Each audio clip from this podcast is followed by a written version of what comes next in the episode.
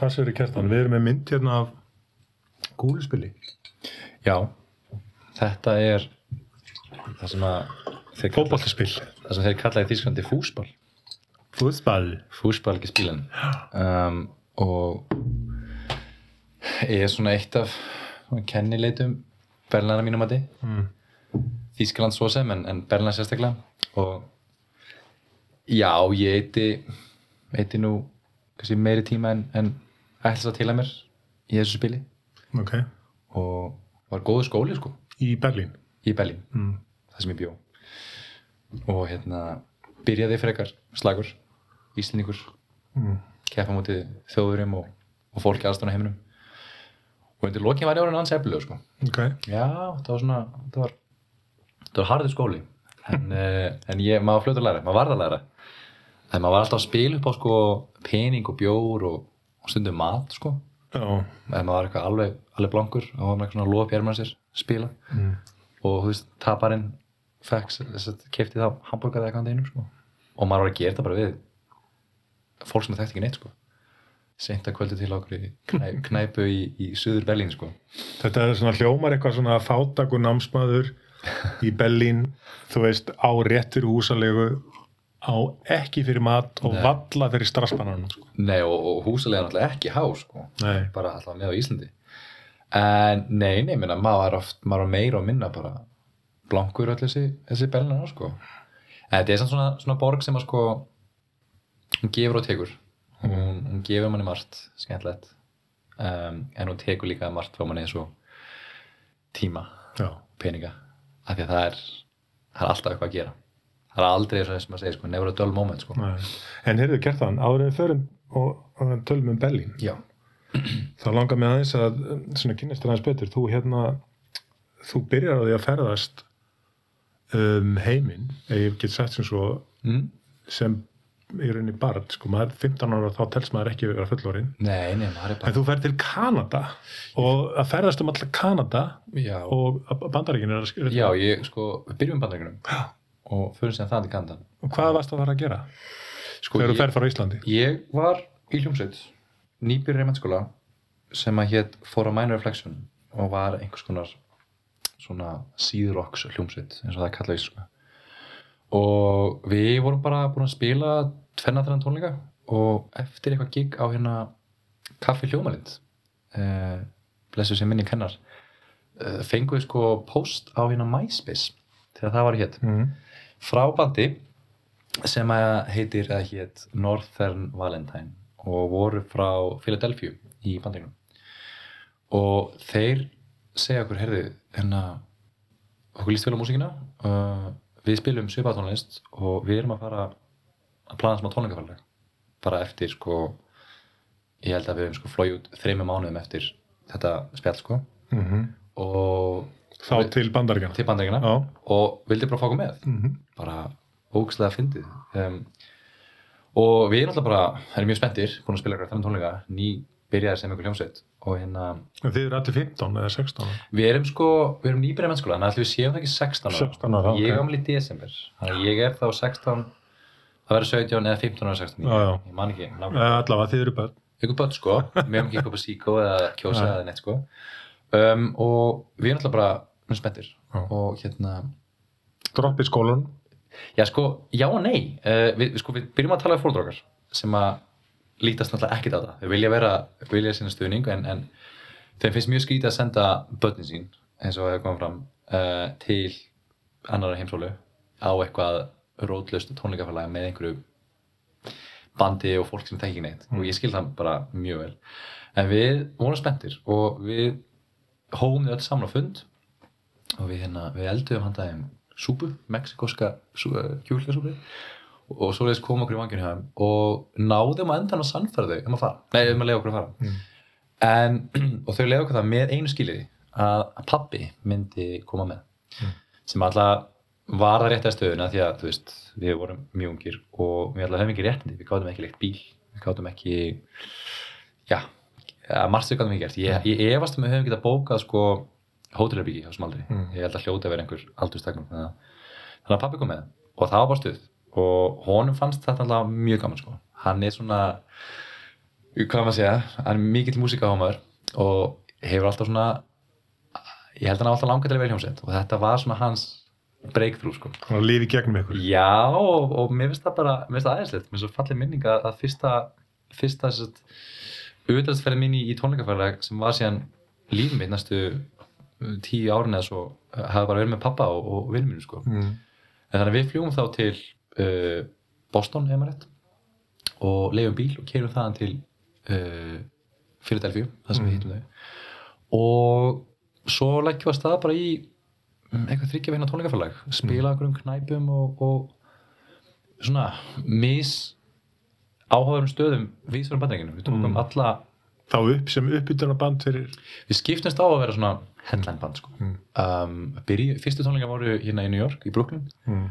á stað sem að er ennþá til þegar ég var þarna fyrir nokkur mánu síðan þá var ég eitthvað rölda í Brooklyn og, og langa aðtökust að væri það til og hann er bara í góðu gemi Mm. heitir Goodbye, nei, Goodbye Blue Monday Mm. og er einhvers konar svona já, við ekki um lýsunum svona léleg útgáfa af kaffi hljómanið einhvers konar Ah.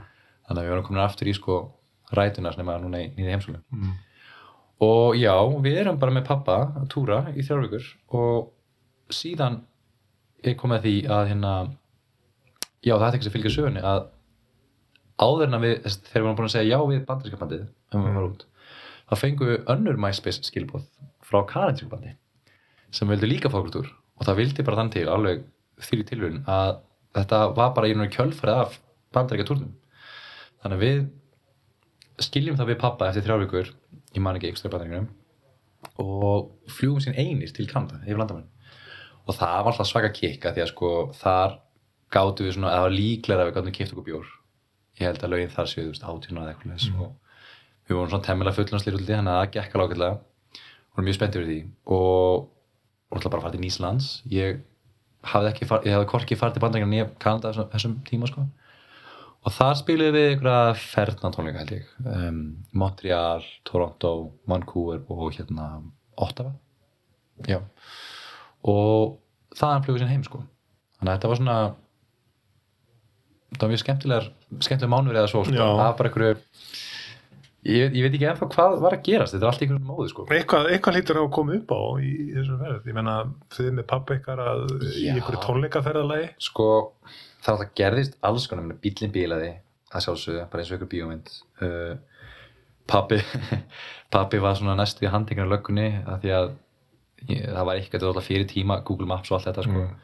og þá keirði við upp einhverja götu og það var einstefna og við kerum mjög vilt sátt og það er löglubíl og hann kemur á stöður okkur og byrjum um aukurskiptinni og, og kemst að því að við erum frá Íslandi. Og þá hérna þá trúði þér ekki að Ísland væri til, ég vissi ekki að Ísland væri eiga og við þurftum að eiga alveg lungu tíma að sannfæra það um að þetta væri land. Um, með þessi eigi tungumál og eigi gjaldmiðl og hvað en þeir ég vildi ekki trú okkur fyrir en hérna um, já, bara fyrir en gáði sig. Þetta var svona hálftíma verið sko. Mm. um, þannig að þetta byrjaði svona nokkuð brjóðslega og svona einar eftir þessu tónleika mínum bara alveg bara forever voru held í tónleika mínum tvö í, Philadelphia uh, á hræðilegum bar sem heit Mojo 13 og þetta var einhvers konar svona svona, svona bi- bikers club svona mm. móturhjóla klúpur sko. Og þetta var ekkert kynnt þetta var alltaf fyrir tíma samfélagsmiðlaði svona í vissu leiti og það mætti enginn á tónleika það var ekki hræða í húsinu það var bara einhverju fullir móturhjóla kallar á barnum. Og síðan kom svona vekkur og síðan var tónleikarnir og við spilum hérna bara okkar tónleika nema síðan um svona miðja tónleikana þá kemur um par. Og það verðist vera eitthvað svona svolítið já, svona svolítið út úr heiminum. Mm. eða bara drukkið. Og þau setjast í sófa sem er aftast í salum, það er frekar stór salur. Og við erum ekkert að pæla í þeim nema að þessi tónlistan okkar var rosa mikið sko, mjög svona lágstemt og síðan fór þetta í mikið ris og aftur niður og þetta var svona, þannig að voru oft kannski 5-6 mínútur sem að var lítið sem ekkert gerist í tónlistinni, maður gæti bara heilt, heilt sömur allt þetta sko Mm. og Hvað erum við að tala um? Rock eða Já, indie pop eða Nei, þetta er svona, þetta er rock, þetta er kallast á ennsku post-rock. post-rock? Já. Einhver stimpill sem að hefur, hefur verið viðlóðan þetta og hefur verið nefnt á íslíku síðurrock. Síðrock, já. Við erum aðeins, við erum aðeins að átt okkur á músík. Já, aðeins sko og hérna, ná, í einum af þessum, þessum hljóðu köflum þá heyrum við bara svaka kynlífstunur og enginn okkar átt sig alveg hvað er að gerast höldum þetta sé ekki bara einhverjum magnarar bíla eða eitthvað. Og þá er þau bara kviknækin á sófurinn alveg bara í blúsandi feeling. Og við einhvern veginn erum í miðju Fyrir aftan móturhjóla kallana. Já, og við erum einhvern veginn í miður svona dramatísku lægi, þetta er svona svaka svona tilfinningamoment sko. Og, og einhvern veginn þórum náttúrulega bara ekkert að gera neitt að horfa þetta. Og pappi náttúrulega stendur, hann er náttúrulega eini í salnum sko, hann s- stendur bara hana í mið- miðju gólinu og veit heldur ekkert hvað hann að gera og og síðan ætlaði ekkert að hætta og þetta og lægið er kannski veist 12 mínútur svona að spila Mm. og við erum bara nýbyrjaðir þannig að út allt þetta lag, þetta dramatiska lag sem átti að vera svona svaka svona reyða við manni þá voru þessi, þetta par bara að njóta lífsins, njóta hvers annars Mm. með tilhengandi látum í allan enn tíma sko að það var svona önnur bröðslega byrjun á þessum skemmtilega túr. Og síðan erum við að keira bara suður sko, við keirum meðfram austsöndinni, við, við förum til sko Norður Karlínu við förum alveg allavega niður til um, við, við tökum nokkra borgir í Pennsylvania og síðan förum við til Virginíu, vestur Virginíu og endum held ég í Tennessee, mér minnir að það, það sé svona þessi rammi sem við tókum sko. Mm. og þar var lítið að gera við spilum í einhverjum bæ sem heitir ja eða borg sem heitir Jacksonville í Tennessee Mm. og spilum við Nashville líka og, ja, og það er einmitt sko þar kynnti sér Nashville svona fyrst geti og svo borg hefur alltaf einhvern veginn átt við svona sérstaklega stað í hjartum minu eftir á þetta er, Það er Elvis borgin. þetta er Elvis borgin sko fórum í Greisland og allt það sko Mm. Þetta er geggjaða stæðis. Það, það er svona sem allar, allar svona stórborgir svo sem um, það er svona túristaliðin sem er mi, svona misáhverð og síðan er bara svona eina sanna Nashville sko. Og það er sko alltaf er músík út um allt. Það fer bara ekki með mála, bara músík alls þar og þar eru geggjaði staðir og fólk bara á, á, á, einhverjum ástæðum það var einhver svona bíómynd, það var allir að grilla út á saman tíma með þessi hvítu svona white picket fence gri- grindverk. Og okkur var bóðið í kannski fimm mismundi barbecue og einhvern veginn og síðan he- eftir þennan túr þá hef ég komið eitthvað mörgsum sko, bara með öðrum hljómstum og, og sjálfur sko, og alltaf einhvern veginn alveg geggja að vera sko. Nei, við, um eitt, öðrum hljósutum segir, hvað, hvað eru að tala um? síðan var ég með uh, Sigurós í nokkur ár Mm. uh, var þá svona uh, live meðlimur þar og það var alltaf svaka munur á, á þessum tveim túrum Mm. uh, fyrir það þá sem hafði þessi hljómsveitin mín uh, for a minor reflection uh, svona tekið svona kip sko og hvað bóðið út um allt og, og í svona tíu ár þá ég var svona 24-5 ára það var til einn ein sem ég gerði sko Mm. var bara, Tíu ár já, með þessar, þessu band? með þessu bandi sko Já. og síðan einhvern veginn blandast það inn í Sigurðarsabatterið Mm -hmm. og eftir Sigurðarsabatterið þá svona langaði aðeins meira til ég hérna ég dreg mig aðeins úr svona hljómsveita lífinu Mm. uh, skrá mér ná fyrir tónsmíðar listafaskólanum og er svolítið bara svona fókusa meira á svona já, svona öðruvísi tónlist bara Mm. Og öðru í lífstíl. öðruvísi lífstíl, já, heilbreyða lífstíl og svona Hættir að ferðast. Já, eða svona, maður, einnig, maður losna aldrei við þess að ferða frá, sko, hvað þá núna í hérna, þessu COVID-rugli, sko. En að þú spurður út í hérna, hvort við höfum hætt í námi, sko, ég og hann Jói, sem var tróman í bandinu, við vorum í MH og, og Elvar var í hérna, FH og Guffi var í, í Kvennó. Mm.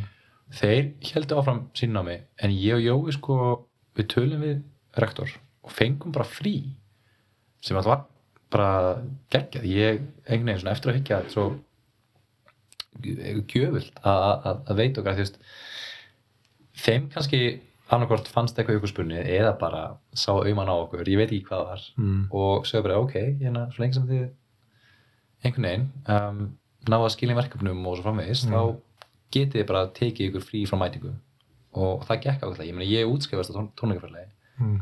ég útskrifast í, hérna, í Brighton í Bandaríkjum Þetta er framsýtna rektor. Já, um, þetta var hann Lárus uh, Lárus flotti sko, sem ég held að sé enda rektor sko. IMH Já, ég held það sko, en ég þór ekki að fullera það. Og þannig að þú útskriðast sem student já, á stöðu ferðalagi þessu fjögur ár sem áttur að vera í mentaskóla já sko ég, það var bara ein önn sem ég sko sleppti algjörlega. Já, já, en síðan vorum við rosa mikið úti og það var alltaf skilningur með það sko, sem var bara blessunlega séð. Að því ef að það hefði ekki verið raunin þá hefði maður kannski ekkit tekið þessi stökk sko, nei, þú veist, láta á að reyna. Já, og þessi hljómsveit var nú aldrei neitt stór en hún skapaði fullt af tækifærum fyrir mig allavega.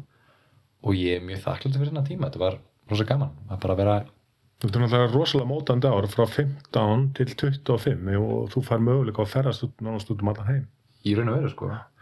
Fyrst getur sem fór til Kína þá var með þessa hljómsveit. Mm -hmm. spilaði okkur á tveim festivalum í hérna Shanghai og, og Peking. Mm.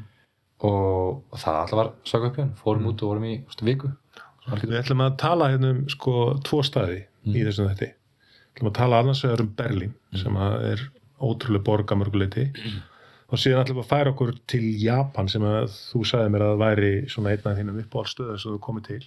Og við skulum byrja aðeins á Berlín. Svona, sko, fyrst, hverslas borg er Berlín veist? Berlín náttúrulega er bara svona, sér ríki út af fyrir sig sko. Menna, mér finnst Ísland ægislegt, mér finnst mjög gaman að ferðast til Ísland og, og, og mér finnst Ísland fallið tungumál og, og bara einhvern veginn algjör svona svona uh, Þísklands fanatíkar sko. En um, ég flyð til Berlínar 2000 og kannski uh, 15 held ég að hafa verið eða eitthvað, já, 14-15 Mm. þá byrja ég í, í starfsnámi hjá hann Akli Sæbjörnsni, listamanni. Og hérna og það er bara aðeins aðeinslegt Þá í uh, hljóðtökum eða í Já, hann var akkurat sko að uh, byrja á sýningu svona, veit ekki hann lýsir þessu? Þetta er einhvers konar, innsetningar eða? Já, þetta er svona á lélegri íslensku svona interaktív uh, leiksning sko. Það er þetta er leikrit en þetta er mm, á svona vídeoformati en það er sko það er að varpa það er að varpa ljósi og myndum á alls konar fleti sem búa til svona þrývíðar mynd á sviðinu. Þetta er rosa mjög flott sko. Og hann hérna já, og fekk þetta flotta verkefni og, og hérna á akkurat þeim tíma sem ég sendi hann e-mail bara se- segi bara, er þau hérna ég er ekki að tónlist og er í listaskólum og vantaði eitthvað hjálp. Og hann sagði, já, herru, kottu og ég var bara komin út sumi vikulegu sko. það var bara gera svona. Og síðan uh, bara innan við tveim vikum eftir að ég flýt þangað einhvern veginn bara ennþá með fötin í eitthvað Mm.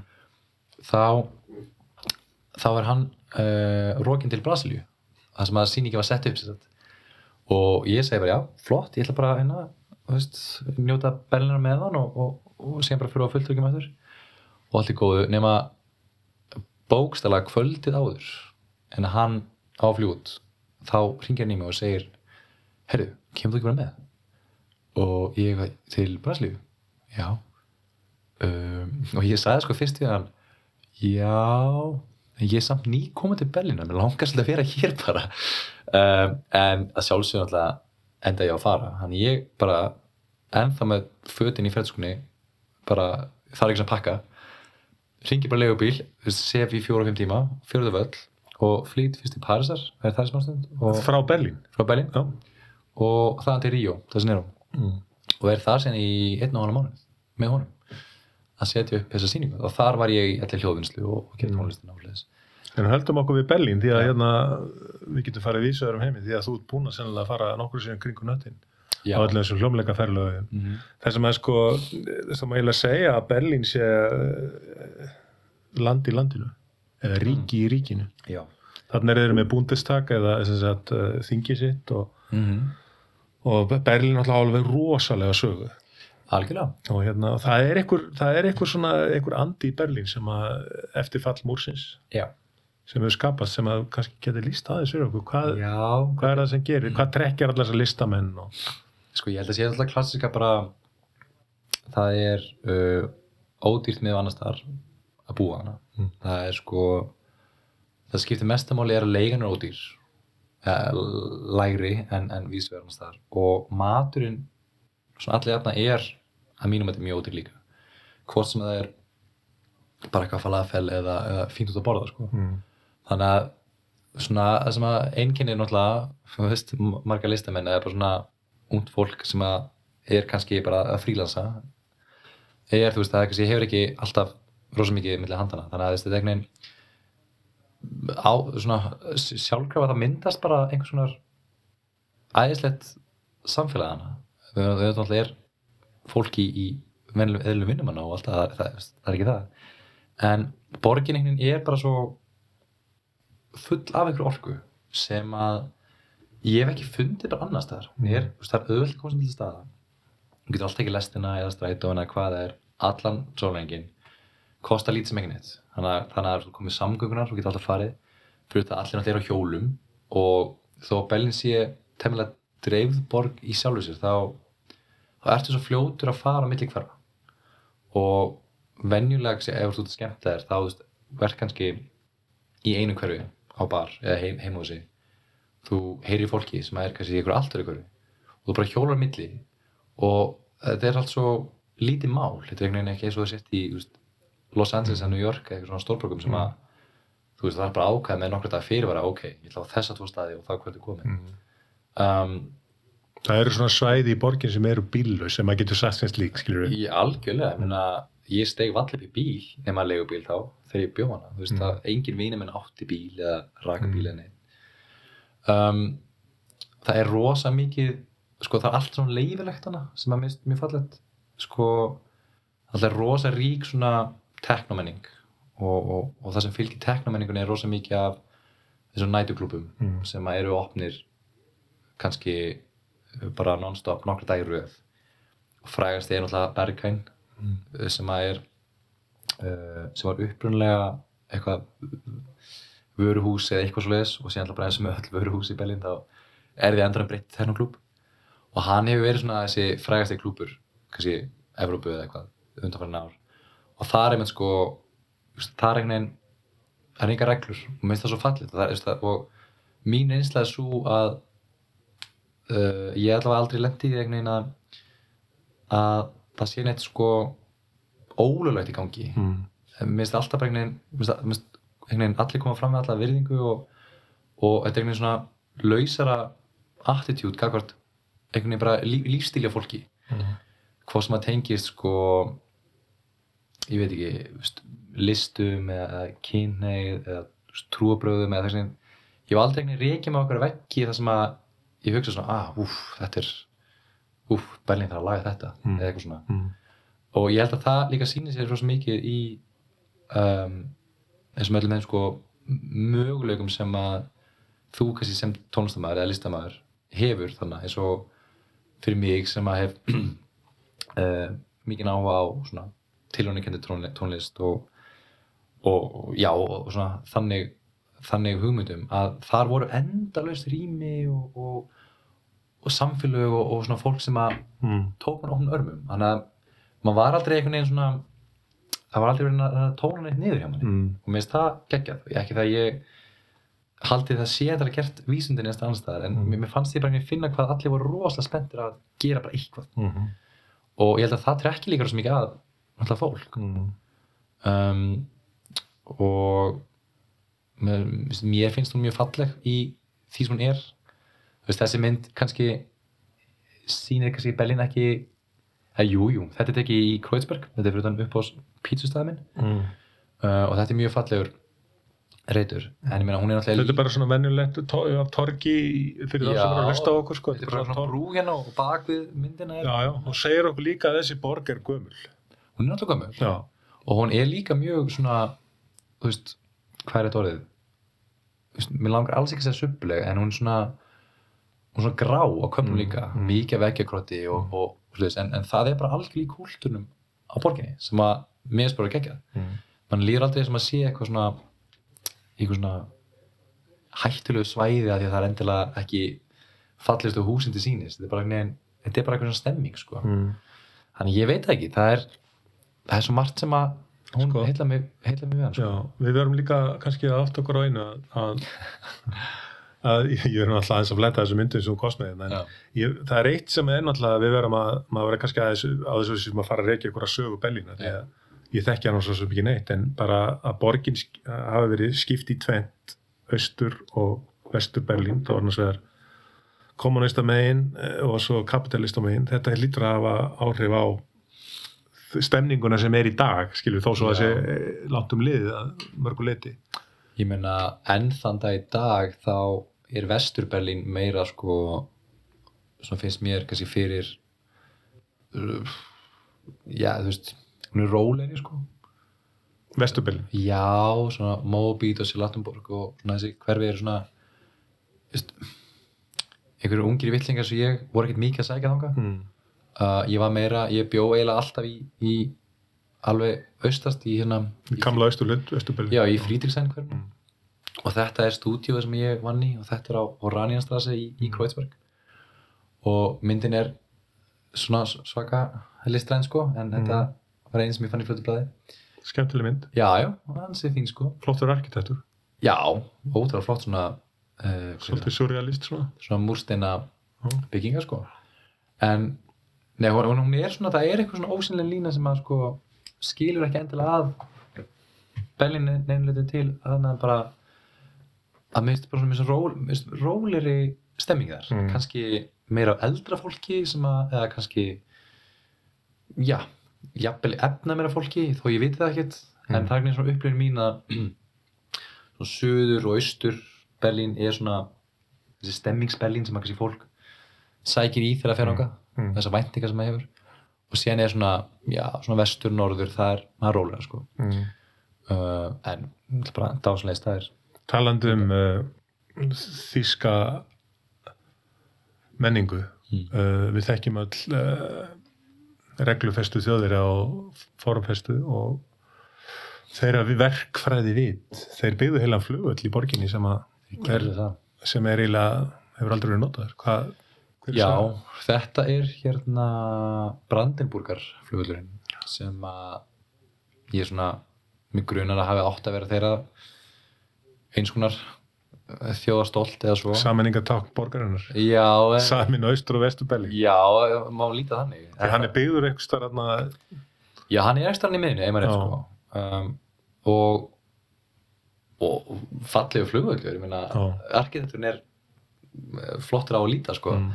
En því miður þá klikkaði eitthvað einhverstað í fellinu og, og hann hefur aldrei verið tekið notkun. Og ég veit ekki alveg hvað það er en ég heyrði einhver tíma að það væri eitthvað sko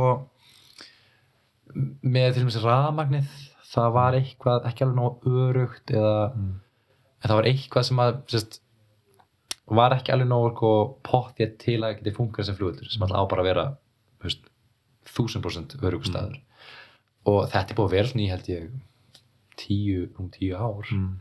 og ég svona hefur tilfinninguna að þeir þjóðar allavega þeir sem ég þekki þeir vilja ekkert endur að tala mikið um þetta sko Mm. þetta er alltaf er, þetta er, þetta er sárt Mm. verðandi þekktur uh, þekkt fyrir kannski svona eða verkræfið þess að segir Mm.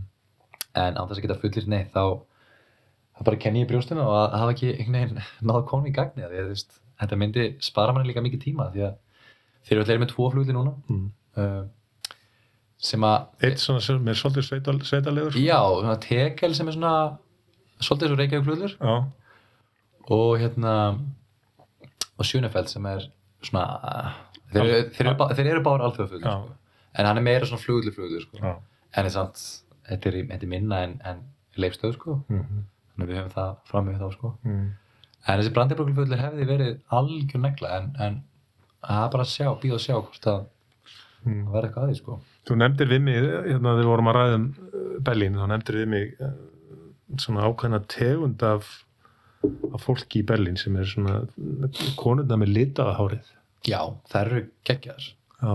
Við tókum þetta eftir í svona uh, frekar fljótlega eftir ég fluttaði þangað að mér fannst svo skemmt það hvað margar um, svona yfirleitt fullorna konur voru bara með já, svona sk- skemmtilega liti í hárnu eitthvað sem ég var kannski ekki vanur að sjá á Íslandi Það eru að tala um bleikt og grænt. Já, bara alla liti, bara neon þetta og neon hitt Mm. og, og bara svona það var svo skemmtileg tilbinding sko. Jafnvel punkara útlit eða. Já, oftast var þetta svona, svona stuttagreislur Mm. og og bara svona alls konar, allir regnbóðanslitir Við erum að tala um konur á yfir 50, á 60-70 aldrei. Já, eitthvað þannig sko, einmitt, já, svona konur sem að kannski uh, upplýðu alltaf þegar Berlín var skipt í tvend Mm. Við erum að tala um austur hlutan af Berlín, Já. sem þetta var ríkjandi, konurna með litaða hárið. Já, og ég náttúrulega þó er ekki að sko ég selja ekki dýrin kefti það en, en sagan sem ég heyrði var svo að að þegar veggunum var uppi þá voru ákveðin reglur um hvernig um, Við erum að tala um Berlín á morgununa. eða Berlinamór, Berlinamórin, já það voru ákveðin reglur um hvernig uh, hérna hárgruslum væri háttað Já. og klænaði kannski eitthvað, ég veit ekki Mhm. en ég myndi mér að þetta hafi verið Það er mjög líklegt. ansi, ansi stránt tekið á hlutum hann sko. Já. uh, og eftir að veggunum fjall 89, þá einhvern veginn er bara allt í fullt með frelsi til að vera út á sjálfur Það losnar um eitthvað. já, Mm. og það er alltaf svo fallegt og, og ég heyrði sem sagt að, að, að þá hafi til með þessi, þessar, þessi hópur kvenna Mm. Þessi Eh, þessi kynnslóð bara, einhvern veginn, bara farið bara alla leið og lita hárið bara alveg sem þeim síndist og bara, og jafnvel bara verið svona eins kannski aukvækjendur og hægt er Mm. af því að núna bara mátti það Já. búið að vera þessi kúin öll þessi ár og þú veist, Mm. einhvern veginn ekkert má og allt erfitt það, það er mjög erfið tímur alltaf og núna einhvern veginn er bara nýr heimur opnað sko Mm. og mér finnst þetta svo geggjað og sjálfsagt margar sem að bara finnst það geggjað og mér finnst það, Mm. mér finnst það frábært. Hver er svona þinn uppáld staður í Berlín? Ef þú myndir svona, ef þú kemur þetta sem ferðamaður og maður kemur þetta inn í þessa borg hvað myndir þú svona segja að væri svona í, þú er ekkit endilega sko, ég er ekkit endilega að tala um einhverja klassíska svona ferðamannastæði en, en hvað, hvað myndir þú segja að væri svona skemmtilegstur hluti í borgarinnar? Sko í, svona, ef maður ætti að velja eitthvað hverfi þá held ég svona að Kreuzberg sé minn staður sko. Mm. Kemst auðvitað úr Kreuzberg í raun og hinn hverjum Mitte, frí, uh, Prenzlauberg, Friedrichshain og, og sögur til Neukölln en sko hvað er í Kreuz, Kreuzberg sem það gerir það er einhvern veginn ennþá þessi þessi svona uh, svona hvað sem er þessi gretta sem er hana, eitthvað svona Mm. þetta, punk attitude sko frelsið þetta er svona Já, það er svona bara meira líf þar kannski Mm. en, en það er alltaf svona líf allstar mm. en það er eitthvað svona stemming sem að ég sótti mikið í það var mikið af sko fyrir það fyrsta það er heila allir upp á sko veitingstæðminir heila á sama reiknum hann í Kreuzberg að ég var það mikið fullt af börum sem að er það niður við, er, er þetta við síki eða svoleiðis Já, við hérna, hvað heitir þetta? Pólinge Úfer, minnum að heiti mm. og er hérna hjá uh, já bara í, í Kreuzberg Mm. og, og það er einhvern veginn sko, og stúdíum mitt var þar þannig ég eitti hérna að vera 99% tíma mínum í þessu reit bara sko Mm. og það er náttúrulega bara alltaf í vinninni og, og, og hafði unan af sko en þegar ég kannski átti frídag eða þú veist, já, maður sem ég gesti í heimsókn eða eitthvað mm. þá fór ég oft uh, á vatnið, við kallum alltaf bara vatnið Mm. og það heitir hérna Vansi uh, frekan slagtansi ég rugglaði þeim alltaf saman Mm. uh, annað er sem sagt sko strönd svona byggð strönd inn í inn í, uh, inn í þessu svona já, hvað maður segja bara við, við, eitthvað, við eitthvað vatnana Mm. og hitt er sko bara náttúran í, í, í sinni hreinstu fegur sko Mm. það tekur maður bara lestana, þetta er svona 40 mínúna lestarferð þetta er svona suð-vestur hlutabælinar og og þú kemur að lestinni, síðan það labba kannski í 20 mínútur gennum skólendi og þar kemur að bátalegu sem selur ekki margt annað en hún selur uh, hún selur ís, hún selur bjór. Og þau getur leikt í litla báta. Og það var geggjað sko, að maður bara fór með bara nesti og teppi og, og, og breytti úr teppinu bara okkur lauti af eitthvað árbakka. Var það bara allan daginn. Helst vildi bara vera mættur kannski 8-9 morgun. Mm. Og síðan getur leiktið bát svona lítinn svona, svona árabát og var síðan bara að dorma í bátnum allan daginn bara á vatninu og, og suminn synti maður í vatninu og, og Mm. maður synti bara með öndunum og þetta er svona algjör svona náttúruperla sem ég sakna mjög mikið sko umlík í skógi umleik í skógi og, og bara einhvern veginn þetta er algjör svona fjölskyldastaður það er Mm. ekkert, ekkert öruglana og já, maður bara taka með sér mikið af mat og, og bjór og, einhvern veginn njóta dagsins sko En sko, sko Berlín svo aftur á móti, við tölum um þetta miðbær, miðborgin, náttúrulega urmull að veitingastöðum, það er urmull að veitingastöðum allt og kaffihúsum náttúrulega, en, en svona hvað var svona þitt uppátt í, í mat og Sko, ég er nú frekar óáhörður þegar það kemur að þessu, Mm. eins, eins gott með þykir að borða það. Voru rosa margir pizzastæðir mm, í, í kringum stúdíuð. Sóla var þeim snýstæður sem er gerðið svona súrdegspítsur og, og na Napoli-pítsur, það sem er bara hendin í rúkvöndinnar opni í 90 sekundur eða hvað er. mm, Um, og það er sko þessi frægi hérna, Mustafas Kimusi Kebab uh, sem að er, ég man ekki alveg í hvað hver hann er en, en hann er svona eins og bærens bestu af þeim sko þar flikkist fólk að bara til að fá sér kebab. til að fá sér kebab sko og maður hefur heyrt sögur að fólki koma frá öðrum borgum til þess að koma og, og ég fór nokksunum og maður býr alltaf í rauði minnstakosti 40 mínútur. Mm, og þetta er rosa gott kebab sko en þetta er svona meira bara stemmingun að gera. Og síðan er, ég meina ég var alltaf bara að borða á einhverjum svona pítsu og, og græmiti stöðum mm, ekkert svona sem að svona stendur upp úr raun og veru en mm, bara, get, allir staðir á Oranjastasi eru meira meira góðir sko. Mm. Einhvern tíðan var mér sagt sko talandi um Berlín og að þetta er svona alþjóðleitt umhverfið, er náttúrulega óbáslega mikið af Tyrkjum sem búi í Berlín. -hmm. og einhvern tíma var sem ég sagt að að uh, Berlín var í næst stærsta borg Tyrklands ég veit að það er ekki alveg rétt sko, en, en, en það sko, þú sagði líka einhvern tíma með að, að, að sko vera í Berlín að þú finnur aldrei fyrir svona að þessu mismöndi kynþættir Nei, ég meina það er, það er, engin, það er ekki neitt svona núans á milli ég meina sjálfsagt er uh, þú veist, eru er ákveðningur á milli alls konar hópa þannig eins og allstans heiminum mm, en það finnur ekki fyrir því svona ég get alveg sagt bara um hrein samskum, ég fann aldrei fyrir neinu svoleiðis. Mm. Mér finnst bara svo fallegt. Mér finnst bara einhvern veginn, þú veist, þetta, það finnst það sjálfsögðu en, en já, þessi, þessi, opni hugsun á þetta Mm. samt, sko, já, því, já, ég ætla að tek hattin ofana fyrir, fyrir, fyr- já, hvað sem fyrir borginni með það, að mér fannst ég aldrei upplefa að einhver væri betur annar eða þannig, sko. mm, Eins mikið, po- mikið poljónusvar og það er, sko. mm, En ég meina,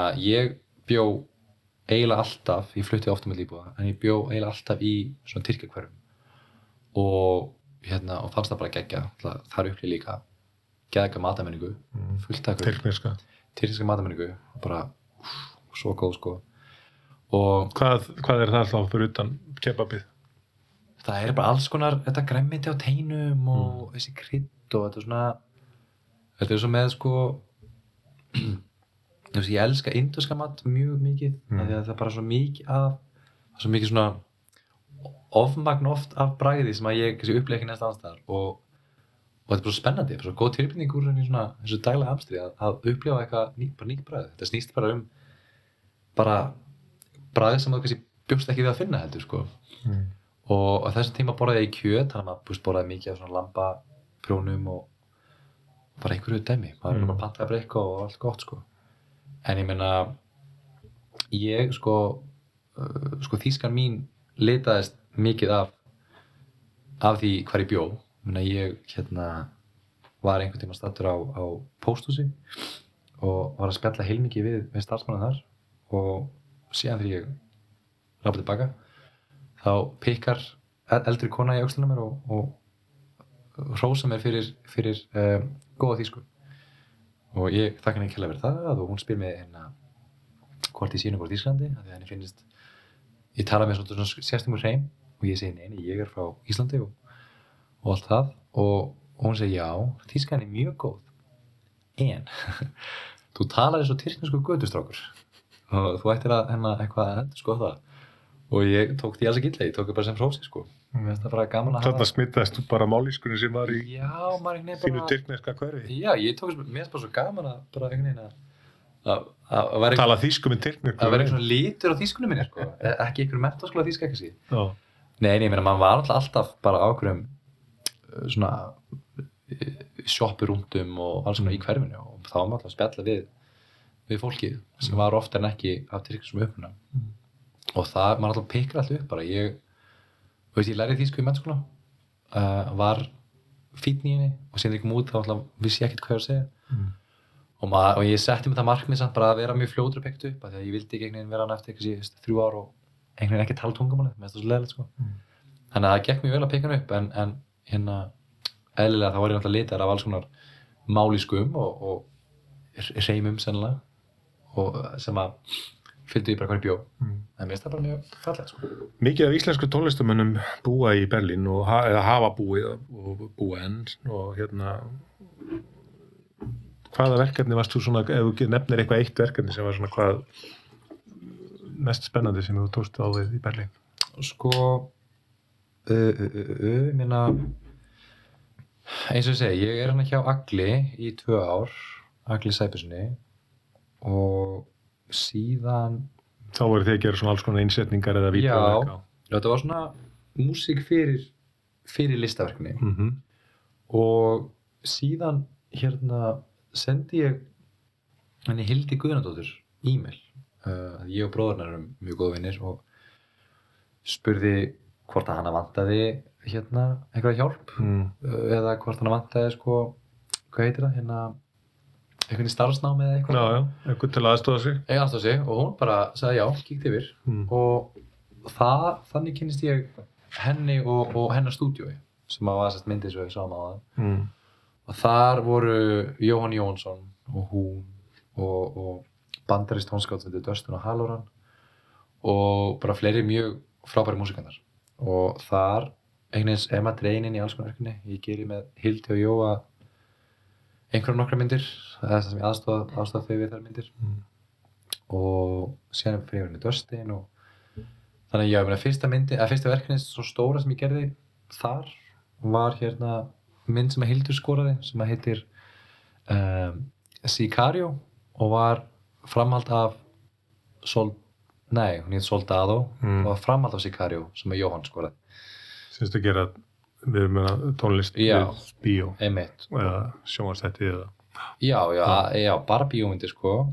Og, og þetta alltaf var geggjaði tími. Menna, maður fekk að, þú veist einhvern veginn, maður fekk að láta reyna á alls konar kunnáttu á sviðin sem maður einhvern veginn vissi ekki að maður hefði eitthvað hefðlíka á.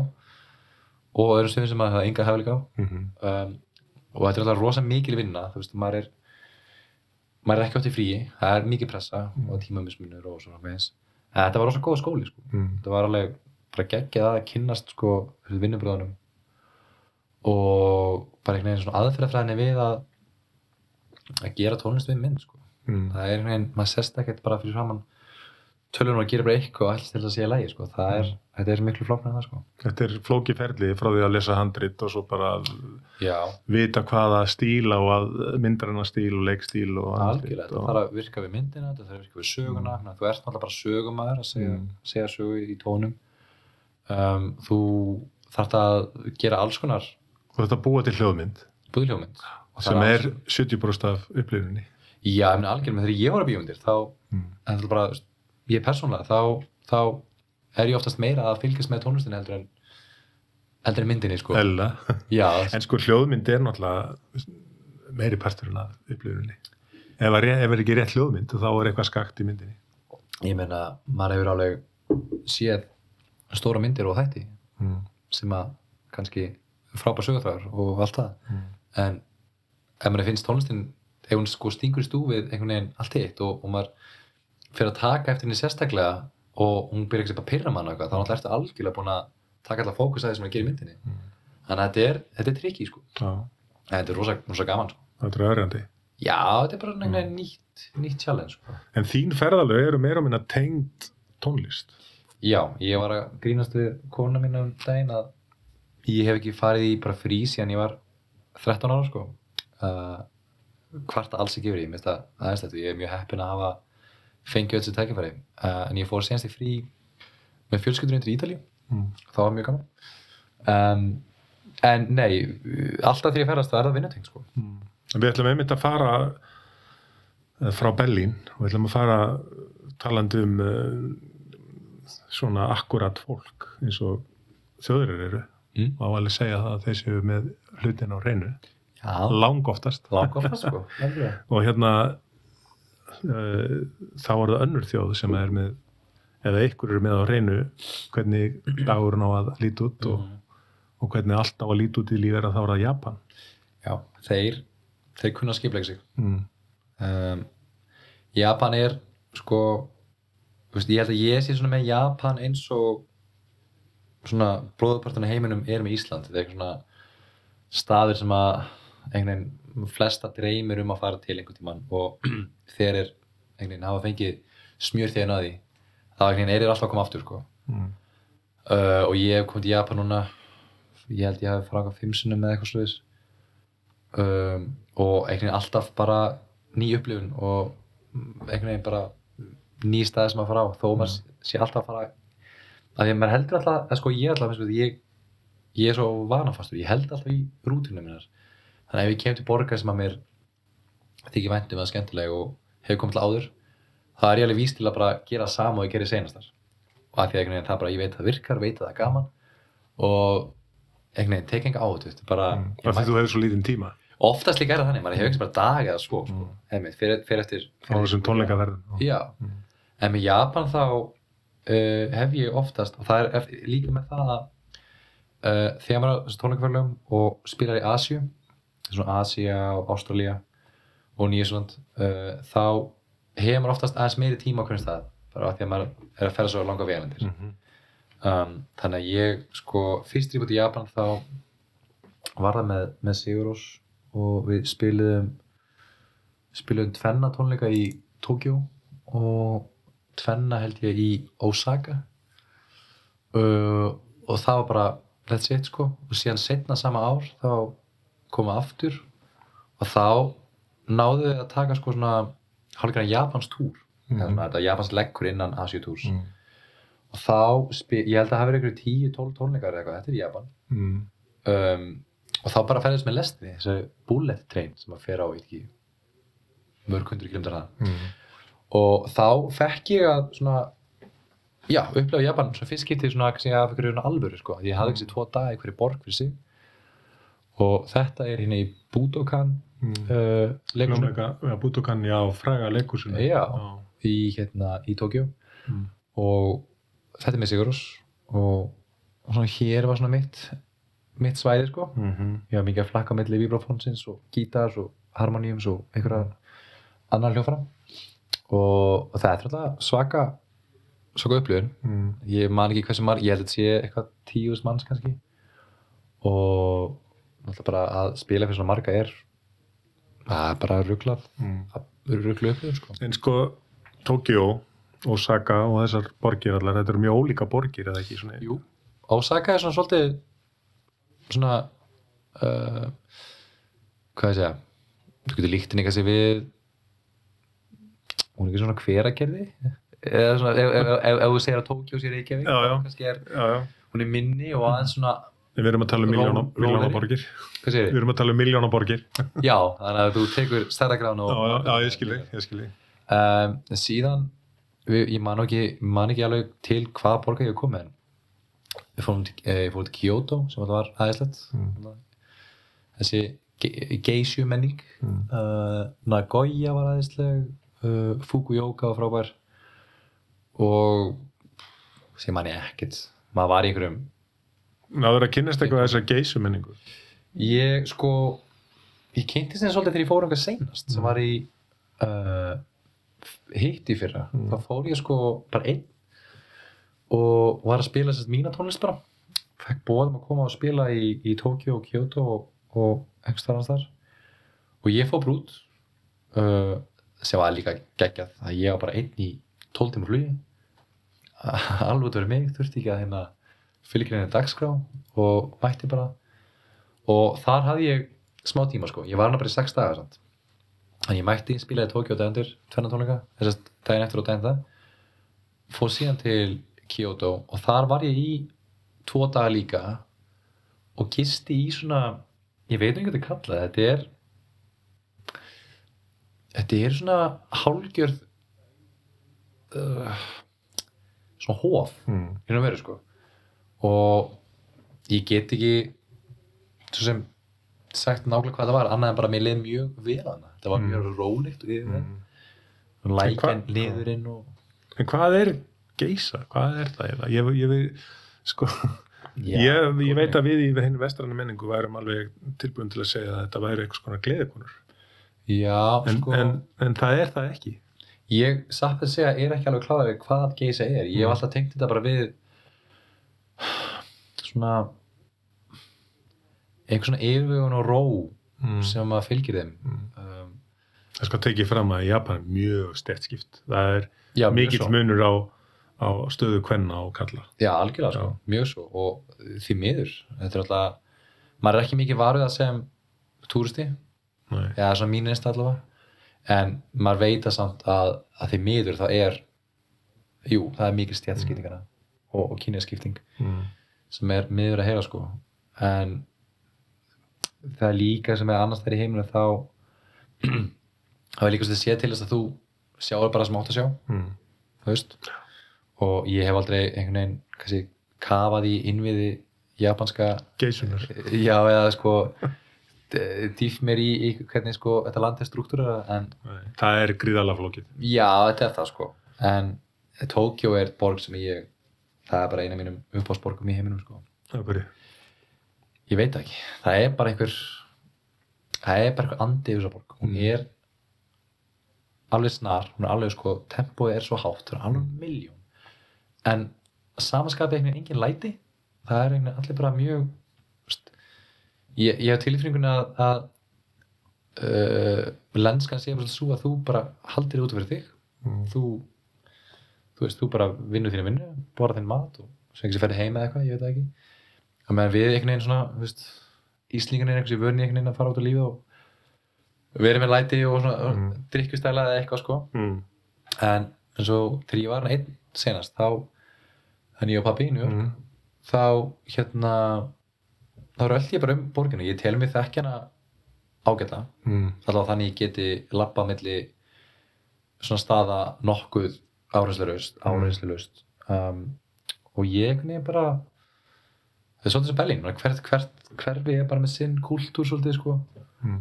og það er alltaf gífulega stór borg. Mm. þannig að auðvitað tekur maður líka lestin á milli staða og svona. Og það er bara eitthvað, það er einhver eitthvað magíst bara við að vera hana og, og fá líka að vera einn. Mér það, fannst það magna sko. Mm. að að ég hef alltaf verið hana með dagskrá þú veist, þurftu að vera kannski koma á hótelvíki eða venju eða hvað það er á hvernig tíma og það er bara að ramma þannig einhvern veginn var enginn að rauka eftir mér. Ég bara kom heim oft bara með að nótt að því ég einhvern veginn bara hefði glemt mér. Var bara að prófa nýja mat og, og skoða eitthvað búðir og eitthvað sko. Hvað er að furðulegasta sem þú upplifa í, Japan, þú veist? Ég meina, maður, margir sem koma til Japan þeir segja að ég upplifi svo margt furðulegt. sko, það er náttúrulega ein sko, ég, ég veit ekki út í hverfi eða þetta er hverfi náttúrulega en það er ein gata í þessu hverfi sem hei, heitir Harajuku. Og Í Tókjó Mm. og hérna og hún er geggjuð, þú sko þú veitir ímyndaðir að setja að labba kannski gennum strikið í köpnum þetta er svona þannig fílingur, þú bara byrjar á, á þessum enda og fer bara alla leið í gegn og, og frúti hinnum Mm -hmm. og veginn þú snýr ekkert við. Og þar er bara alltaf bara alls sko svona það sem að okkur finnst þetta svona crazy sko, bara fatatískan alveg svona fyllt litrík og augrandi og, Mm. og mikið þessi þessi teiknumita hefðana Mm. og þetta er svona einhvern veginn alls konar fígurur og, og staðir sem við erum ekki vön. Það var rosa mikið í menningunni að vera með svona dýra kaffihús. Mm og ég meina nú er komin kattakaffehús sem alltaf er bara japansk hugmynd Sem það kett, kettir inn á kaffehúsinu. já, það er bara hugmyndin sko. Ég man, man fiskinn sem fótt í Japan. Þá þótt þetta alveg geggjað sko. Mm. og ég leitaði uppi eitthvað kattakaffehús og mér fannst bara klikkað að vera kaffehúsi og það var bara fullt af köttum hana þetta er alltaf bara þetta er ekkert merkileg hugmynd en það var eitthvað að fyndi við þetta Mm. og ég fór til mig senast þá fór ég á eitt uglukaffehús og þar voru sko bara 10-15 uglur inn í manni. Mm og maður gæti, þú veist, rétt upp höndina og þær settust kannski eða eitthvað eða voru bara borðinni þar fór eitt eðlu kaffihús. Og þar voru bara eitthvað svona rosa eða svona litli drekar út um allt og mjög skrítið sko. En þetta var allt bara eitthvað fyrir mig Íslendingin bara mögnu upplifun. Og ég einhvern veginn efast um að kannski hefðunni Japani sæki þessi kaffehús eitthvað mikið, ég held þessi meira túrista uh, svona orienterað sko. Mm. en ég veit það ekki Að tala um sko, ef við tölum í Japan er svona þessi eh, nálgun fólks, manns og konu eða hvernig sem það nú er. já, Eh, Þetta er allt bundið ákonum hefðum já, og uh, svona þessi kannski andlega útrás og líkamlega útrás hjá Japanum er kannski allt, allt öðru svolítið hjá okkur. já ég meina sko ég sko Japan er dæmis alla jafna vinna mjög langa vinnudag þú veist það er ekkert svona 9-5 er held ég ekki alveg normið hjá þeim sko. Án þess að geta fullir það. En ég, ég held að sko ég held að almennt séð þá fólk í landinu keiri sig bara mikið út í vinnunni. Og, og ég held að sé smá þú veist ef þú ert ekki að standa í vinnunni þá ertu að kannski að gera eitthvað vittlust eða Það áttu ekkert líf. Já, ég meina hér er einhvern veginn bara ég er bara hætti mér í vinnunni ef hann veist leiðilega eða sækja um nýja vinnu og e, sækja svona aðra vinnu eða eitthvað, ég veit ekki. Þannig, þetta er svona miklu afslæð bara sko. en ég ætla hef aldrei verið á japansku vinnumarkaði þannig ég veit ekki alveg hvernig stemmingin er. En svona mín svona tilfinning er kannski svo að, að, að það sé meira mm, já lífið, nei, vinnan er kannski meira hluti af lífum hans en kannski tíðkast annars staðar. Mm. Um, og ég þekki einn, einn góð vinn minn er vinnur hjá hérna Namco sem er Japans tölvíkafyrirtæki og ég veit bara víst að hann mæti kljóðan sjö á mótana og hann fer oftast svona um sjö á kvöldin heimunni og það eru bara kannski fyrir svo tópjóra, bóra mat mm. svo. og þannig er þetta bara svolítið svona lengi hjá hann sko. eða hjá honum við Sjö dagar vikun.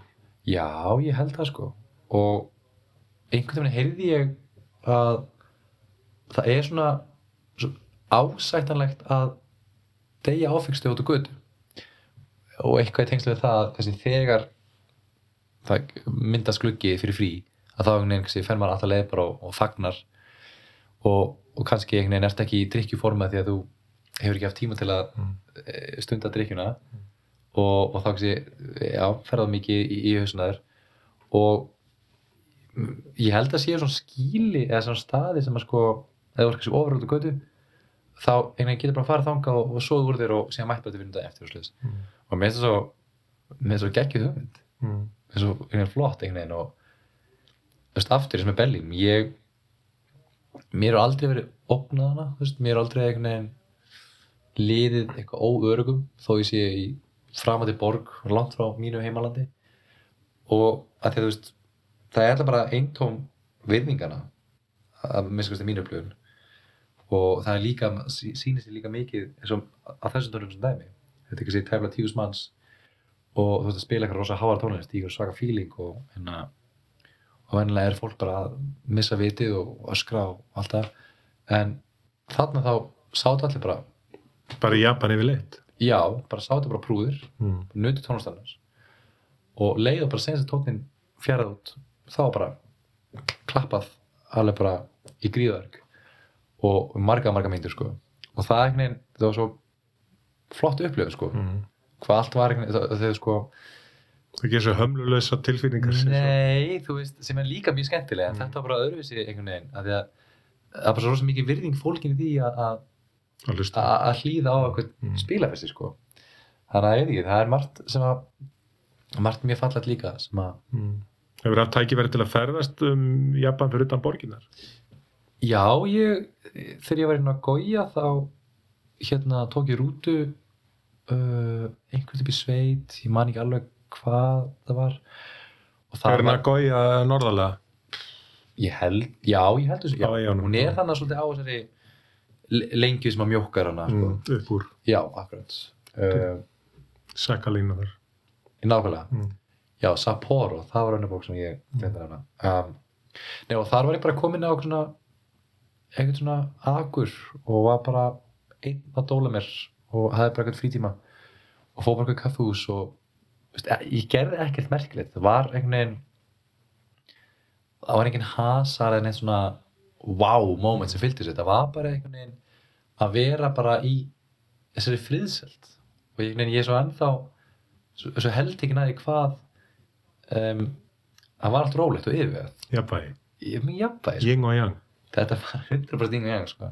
þeir eru náttúrulega að ganga út frá þeirra lífsbyggi eða þeirra heimsbyggi eða gengur náttúrulega svolítið út frá þessari að ná jafnvægi í lífinu já, já, sé- bútismin og já, já, ég minna þá og þó að kannski það sé svolítið svona absúrt að tala um að ná ykkur jafnvægi í lífinu þegar maður vinnur 14 tíma á dag, allan dag vikun en, nákvæmlega, þetta er ákveðin þjóðsökt sko. en, já, en, en samt í þeirra menningu er mjög ríkt eh, að, að þú veist, hafa ykkur skonar jafnvægi í lífisinu og já, eitthvað svona, eitthvað rótverstu sko. mm, ég held að ég, er svona, ég get ímyndið mér að það sé mikið lægt upp úr því að, að við svona sportna við rótleysi almennt sko. mm, sem alltaf er bara eitthvað sem að ætti að gilda allstað, allstaðar en þetta er einhvern veginn aðeins bara öðruvísi svona hugsunatur hér heima einhvern veginn þetta er svo mikið þetta reddast attitude sko. Mm, þú veist, þú gerir eitthvað, það gengur ekki upp þetta reddast. Mm. þú veist, þú veist, það er ekki í Japan nei, það finnst mér ekki sko. En það er kannski óreittlátt okkur að bera saman Japan og Ísland. Ég, þetta er svona, þetta er bara svo miklar anstæður hvað þetta var það Já. sko. En ég veit ekki, en mm, þessi bæjalönd en að mig eiga, það er góð fiskur hana talandu Það fisk, talandu um mat. Já, sko, þeir sem að ég hef talað við sem hafa komið til Japan, ég hef aldrei komið til Japan það er eitt af svona mínum löndu sem langar að koma í að þá segir að matur í Japan sé stórkostlegur hann er það sko. Mm. er það. Hvað erum við að tala um fyrir utan sushi alls konar svona skrítið fyrir, Mm. fyrir okkur sko.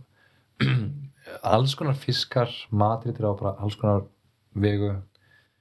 Ráir, ekki ráir um, ég smakkaði sko þegar ég var í, í hérna Kyoto eftir tónlingarna þá fór ég á stað með hérna uh, promoternum sem er sett sáum tónlingarna á mjög fínan svona uh, Ko- Kobe stað Mm. Kobe kjöts já, þetta fræga Kobe já, Mm. í hérna í. Kyoto er það rétt hjá mér, alveg upp á bjór eða byggi, ég veit það ekki sko Já, Kobe kjötið. En við getum haldið okkur við það já, allavega þeir, já, ok um, það er mjög gott, mjög Já. bara gott uh, og ég borðaði kjöt þessum tíma þannig að þetta var bara mjög næs en síðan var bóðið upp á eitthvað sem að virtist vera þetta var svona leit svolítið svo klakar bara. Og ég fekk mér það og þetta var alveg grjóthart og ekkert sérstaklega gott fannst mér en ég veginn forundin bar mig oflið en ég fekk mér meira og meira og hún vissi ekkert hvað ég var að borða. Og allir henni kvartlaði mig bara að ég var ekkert bara að borða eitthvað sem ég átti ekki að borða. Eitthvað svona hreinsitöflir eða eitthvað. Mm. en kemur ljós að þetta var sko það voru fuglabein sem var búið að brjóta niður í svona litla bita, litla móla. Og það er víst einhvers konar snakk þannig eða eitthvað. Og það var mjög skrítið.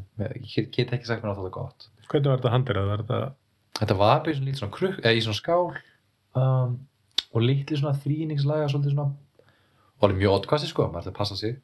Og maður líkuði sko braut tennunum að, að borða þetta en, en ég held að þetta hafi nú verið eitthvað við að vera fínt sko. Mm. og gott.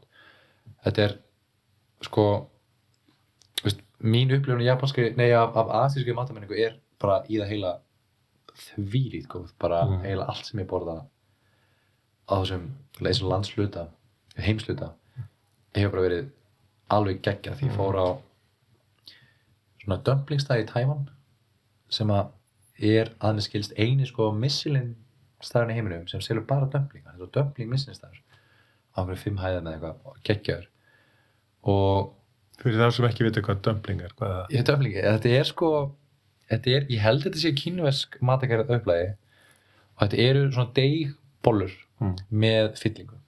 Kjöti, græmiti eða einhverju slags og þetta getur verið djúbstegt uh, það er meira svona japansk það er kallað gyoza. Og þá er þetta uh, svona flatt oftast djúbstegt og, og borðað þessi deg en dumplingar eru meira svona bollur og gufusóðið í svona bastkörfum. Mm. ótrúlega gott sko. Og, og það er einn af mínum kannski uppáðs mat Mm.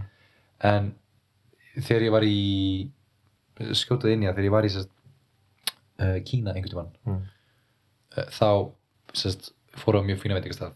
Og hérna og ég sá eitthvað sem heit silfur kjúklingur og það hljómaði mjög vel. Og ég hérna panta með það það var mjög fýtt staður sko, ég held að þetta er bara eitthvað algjör negla. Og það sem ég fæ ég síðan sko uh, stórt fat fyllt af bara vökva með einhverjum krytti eða sérst jurtum og, og, og pípurum á eitthvað og síðan sé ég bara svona gráa kjötið standa upp úr. Og það lítur svona frekka ógæðil út það mínum að þið um, nema ég náttúrulega læta á að reyna maður komið alltaf leið og alltaf smakka og þetta er mjög sekt og skrítið og mjög bragðvánt sko. Þannig ég fremst að hrópla við þessu og þá er þetta sko bara kráka. Þá er þetta bara kráka með sko fjöðrum og löpum og goggi og öllu sko. Er bara í já, eins og hún kemur fyrir. Já, og ég er bara eitthvað svona eitthvað svona flugþreytu móki bara borða þetta Þessi, borða eitt bit og ekki meir sko. Bara fyrir, það, fyrir það kráku sko. Mm. en þeir samt sko eða, sem sagt, en það er líka samt gott líka við kínarska matamenningu að það er allt nýtt ég meina, Mm. þar eru er samóðum í Japan eða ekki? jú, er nú veru, það er stærri allt ferskt. Já, allt ferskt, það er meira og minna. Löpunum á kjúklingunum er ekkert hent Mm. það er nýttar í svoðu eða eitthvað sko. Þannig að það þarf að þeirra marga munna. Það þarf að fóra ansi marga, það er rétt. En, en síðan er líka rosa mikil vestran áhrif í Japan. Mm. mm. að, eins og hvernig? bara þú veist, hamburgerkeður og, og pizzastæður og þannig mm. veist, allar þessar fatabúi sem við þekkjum Mm. þar eru þarna Já.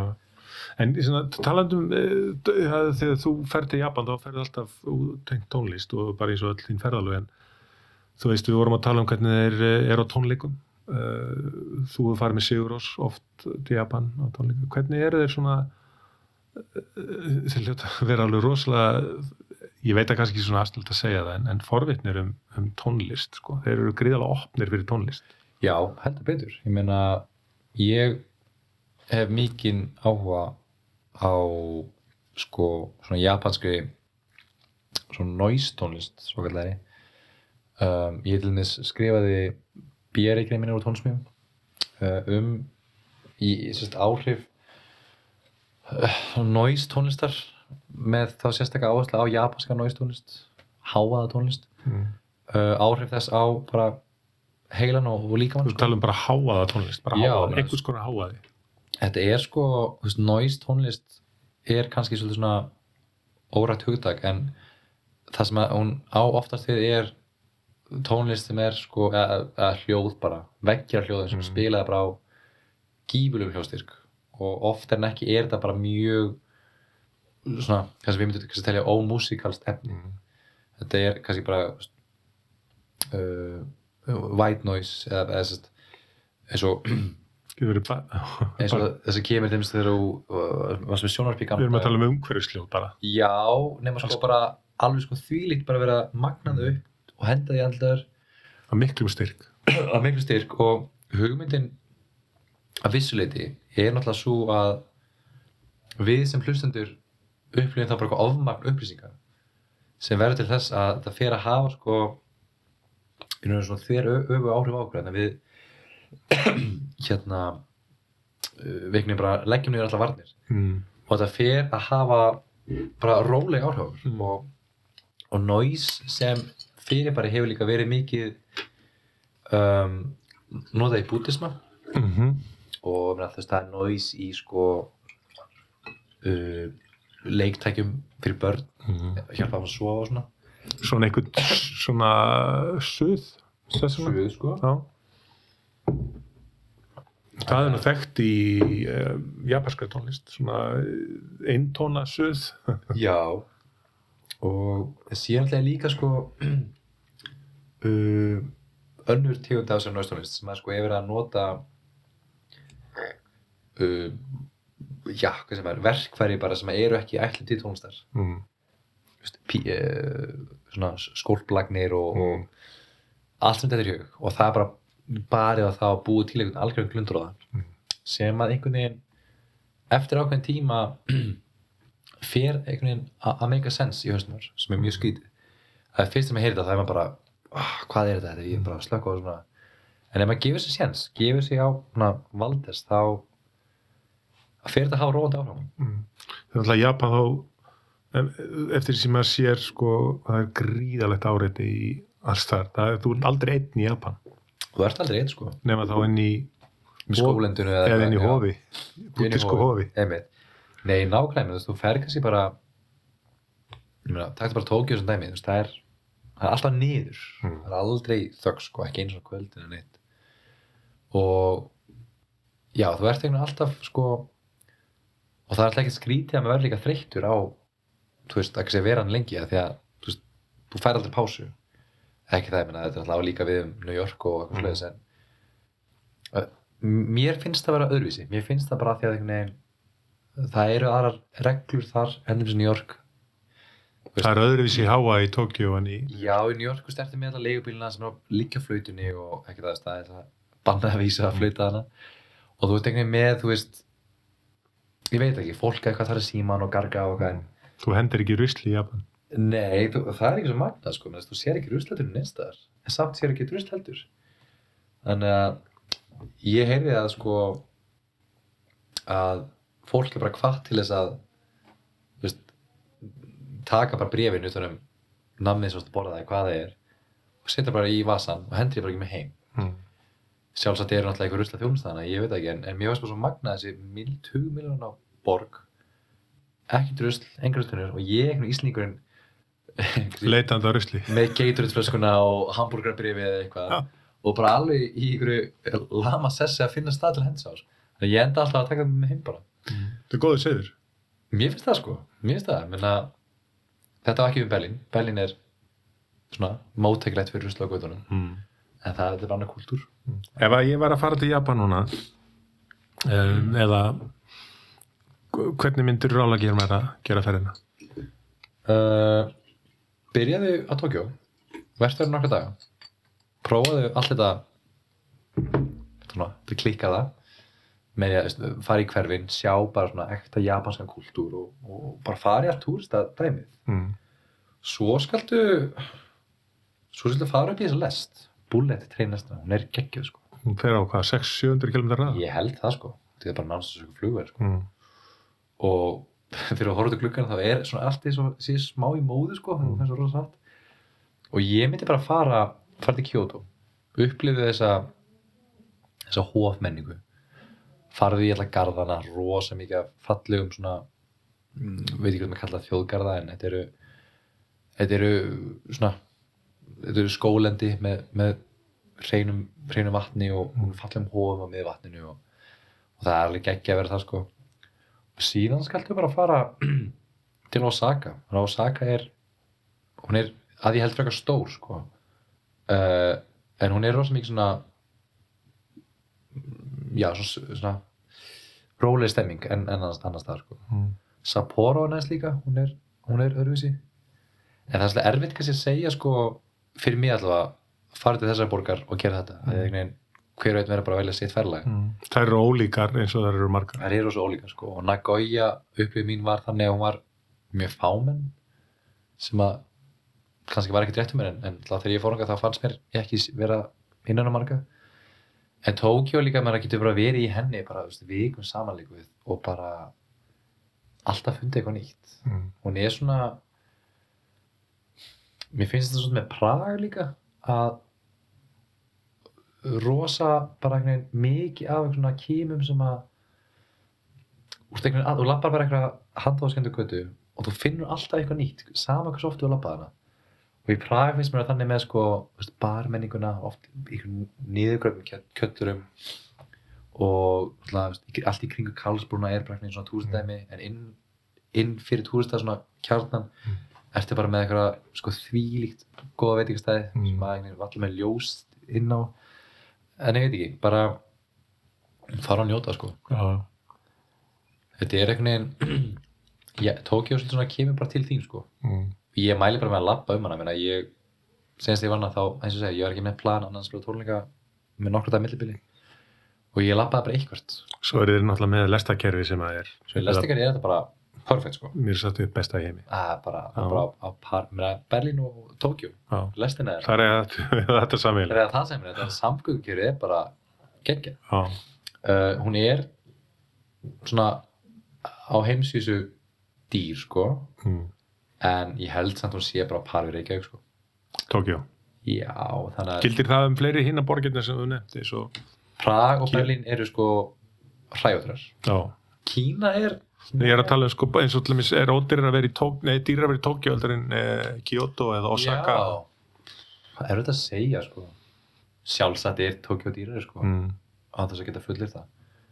Mér finnst það bara svona, mega smá sens einhvern veginn sko. En hvernig með til dæmis eins og hótel, maður hefur talað um, þeir eru alltaf búa, uh, smátt þeir búa í litlum rýmum Jú. og getur maður fengið hótelherbyggi sem er kannski stærri en 5 fermetrar. Já, já, ég sko til dæmis, ég hef alltaf gist á einhvernum vestunum keðjum bara sko. Já, sem að eðlilega stærri þeirra. Já, hérna Holiday Inn og Já, já. það sko. En maður gerir það ekki þegar maður kemur til Japan, eða? Eða, Þú getur náttúrulega fundið, þú getur fundið af heimagistingu. já, Það er sko, það er skemmt, eitt svo, já, ég glemdi því náttúrulega, skemmtilegast að sko, ein skemmtilegast upplifin mín, kannski af Tókjó sérstaklega, var sko, sko ég kallaði það bara svona heimabari. Ég veit ekki alveg mm. hvað maður það kalla það, en, þá er þetta sko heimilisbar. heima hjá fólki. Já, og, og all, þetta er alltaf í kjallar eða jarðhæð og það er bara einhver einstaklingur sem á þessar bara íbúð og inn í henni er ekkert nema þessi rúm og ískapur og tvö borð og það er bara fylgt inn og þú borgar bara veist, fara bjórn á hálfverði og ég veist lendið í að vera að kvöldi til á bar og, og bar eigandinn eða húseigandinn hann fór bara að sofa. Og hann sagði bara, að bjórn ykkar? Og það er meiri í ískapnum, skiljið til penning ég er fann að sofa. Og það var ekki svona vekkur á milli. Hann bara fór að sofa og var bara sofandi hliðin á okkur á meðan við vorum að drekka. Og það var ógæslega skaman sko. Alveg og bara ég veit ekki hvað áttur að finna hans þær í heiminum. En sko þeir eru það er arkitekturinn eins og þannig að allt sko hver einsta fermentur er nýttur. Þannig að mjög hefðbundin svona Tokyo hús er kannski uh, sex hæða hús og fyrst á henni einhversi dýrabúð uh, íbúðsnæði skóbúð bar íbúð, önnur íbúð þannig að veist veginn aldrei sko hvað sem er í gangi í byggingunni mm. og það er mjög gaman líka sko. þannig að Kjartan, hvert ætlaðu þú að fara næst? Það, hvert, hvert er stefnan að fara?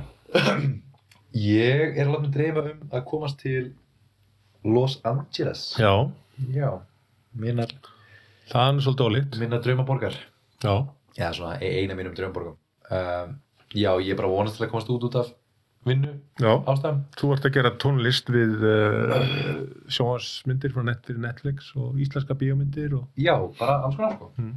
Um, og ég verði vonandi full bólusettur í um miðan júni. Og ef það gengur eftir, þá ætla ég að láta það reyna að flút. Þá flystu þangað. Nei, það Að vinna, smá vinnutengt. tíma sko. Já, Já, vinnu. Alltaf vinna. já. Herðu, Kjartan, frábært að fá þig. Takk fyrir að mig. En við heyrim í þér vonandi eftir uh, einhver tíma og þá fáum við vita hvað hefur gerst í Los Angeles. Ég skal sko láta það vita því. Takk fyrir. Takk fyrir.